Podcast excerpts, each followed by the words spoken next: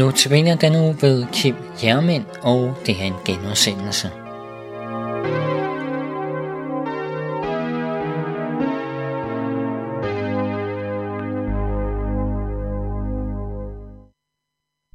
Vi fortsætter serien og skal nu høre om et dilemma, som Gud stod i. Da mennesket havde gjort oprør, stod Gud i et dilemma. På den ene side er han 100% retfærdig. Det betyder, at han må straffe alle lige præcis i forhold til deres forbrydelse. Er det ikke, hvad vi forventer af en dommer? Upartisk, ubestikkelig, fuld af indsigt. Det er vel en dommers fornemmeste job. Hvis du dommeren havde sagt til Anders Breivik i Norge, du har godt nok gjort noget forfærdeligt, men jeg er med lidenhed med dig, og du havde også en svær barndom, så du går fri. Du er fri mand nu, gå ud og nyd livet. Synes vi, at det er en retfærdig dommer? Vil det være godt at have sådan en dommer i vores samfund? Selvfølgelig ikke. At leve i et land med uretfærdige eller korrupte dommer eller øvrighed generelt er forfærdeligt.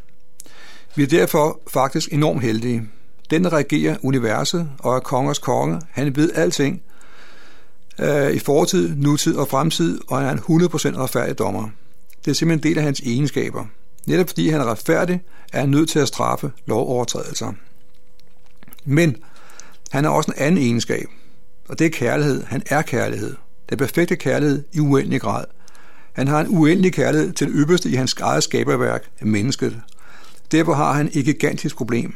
Han elsker mennesket, men er samtidig nødt til at straffe det. Han kan ikke gå på kompromis med nogen af delene. Hvis han bare tilgiver og ser pyt med det, så er han ikke retfærdig. Hvis han straffer mennesket med en uendelig stor straf, fordi gælden er uendelig, så brister hans hjerte, fordi han mister det, han elsker allermest. Det er som om dilemmaet flår ham fra hinanden. Det menneske, han elsker uendelig højt, må han straffe uendelig hårdt. Hvordan vil du løse det, uden at gå på kompromis med nogle af delene? Ja, det er faktisk en gordisk knude, og der findes ikke nogen løsning, som ligger inden for en menneskers rammer at komme op med. Så vidt det stod til os, var der intet håb. Den gordiske knude ville aldrig i evighed blive løst. Men Gud har en plan. Det afgørende element i planen er, at der skal en tredje part på banen. En tredje part må introduceres på scenen. Det er nok temmelig meget imod det, vi forestiller os. Det er en nærliggende tanke, at en kærlig Gud, der bare må kunne tilgive. Det er en del af selve det at være kærlig. Det er ligefrem hans job.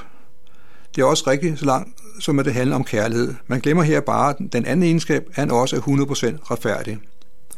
Fordi det er så svært at finde ind under huden, så måtte Gud massere det ind i sit eget folk, Israel, for at de og senere resten af verden skulle forstå princippet og ideen med en tredjepart, måtte han gå i gang med en århundrede lang anskuelsesundervisning. Der var Gud, mennesken og tredjeparten. Tredjepartens rolle var netop at bære skyld og tage straf. Princippet var, at skylden blev flyttet fra et menneske og over til et dyr. Menneske var nu uden skyld, fordi skylden var blevet flyttet fra mennesket og over til dyret. Meget logisk, ikke? Ansag, at du går rundt og bærer på en 25 kilo tung sæk kartofler. Det er tungt, belastende og hæmmende. Det gør ikke dit liv nemmere. Forestil dig så, at der er en, der siger til dig, lad mig bære sækken. Hvis du tager imod tilbud og giver ham sækken, så er du fri. Du kan rette ryggen, løbe og springe i en grad, du slet ikke kunne før. Det er et fysisk faktum, at sækken nu ligger på den andens ryg og ikke på din. Den kan jo ikke ligge begge steder på én gang. Men husk også, at sækken stadigvæk er der. Vi snakker ikke magi eller trylleri. Sengen forsvinder ikke uden blå luft. Hvis du ikke skal bære på den, er der andet, der må gøre det. Så simpelt er det. Hvordan skulle gælden komme ud af verden? Hvordan kunne den indfries? Jo, ved at dyret udstod, udstod den straf, som hørte til. Hvis en mand blev idømt tre års fængsel og sidder i fængsel i tre år, så er straffen, gælden betalt, og manden er fri igen. Sådan virker det også skud. Det er meget simpelt. Hverken mere eller mindre. Har vi en gæld i forhold til Gud, så må den betales, og så kan vi være fri. Men som vi tidligere har set, er der det problem, at der i forhold til Gud er tale om oprør mod universets konge, så den retfærdige straf, den er døden, og derfor må dyret dø. Først da er straffen udstået, gælden er betalt. Og Guds retfærdighedssans er tilfredsstillet. Han er stadig den 100% retfærdige dommer, for dyret, som havde overført skylden, har udstået straffen og betalt med sit eget liv. De fleste af os synes måske, det virker primitivt, barbarisk og usiviliseret at ofre dyr. Men hvad så med at ofre mennesker? Ja, så er vi da helt ude på overdrevet. Den tanke er jo helt vanvittig. Men der er en historie i Bibelen, som kommer uhyggeligt tæt på, næsten lidt for tæt på. Det er historien om Abraham og Isak. Abraham ønskede brændende at få en søn. Det havde han ikke fået, og nu var langt op i årene, nærmere bestemt 99 år, og det samme var konen Sara, hun var 90 år. Graviditet af naturlig vej var udelukket, og der var stadig omkring 4.000 år til den første fertilitetsklinik åbnede. Men Gud greb ind, Sara blev gravid og fødte Isak, og Abraham var selvfølgelig ovenudlykkelig. Så en dag giver Gud Abraham ordre til at ofre sin eneste søn, Isak. Han skal bringe ham som et brandoffer på et nærmere defineret bjerg. Abraham han kløver brændet og giver sig på vej tidlig næste morgen sammen med Isak. To dage efter, så, her står så i Bibelen, to dage efter fik Abraham øje på stedet i det fjerne, og han sagde til kalene, Bliv her med æslet, mens jeg og drengen går derhen for at tilbede. Så kommer vi tilbage til jer. Abraham tog offerbrændet og lagde det på sin søn Isak. Selv tog han ilden og kniven, og så gik de to sammen. Isak sagde til sin far Abraham, Far, Abraham svarede, ja min dreng. Isak sagde, vi har ilden og brændet, men hvor er offerlammet? Abraham svarede, Gud vil selv udse sig et offerlam, min dreng. Og så gik de to sammen. Den historie ender i sidste ende godt. I sidste sekund får Abraham besked på ikke at ofre sin søn, men i stedet ofre en vædder. Det er klart, at i virkeligheden kan et dyr, kan et dyr ikke udstå en menneskestraf.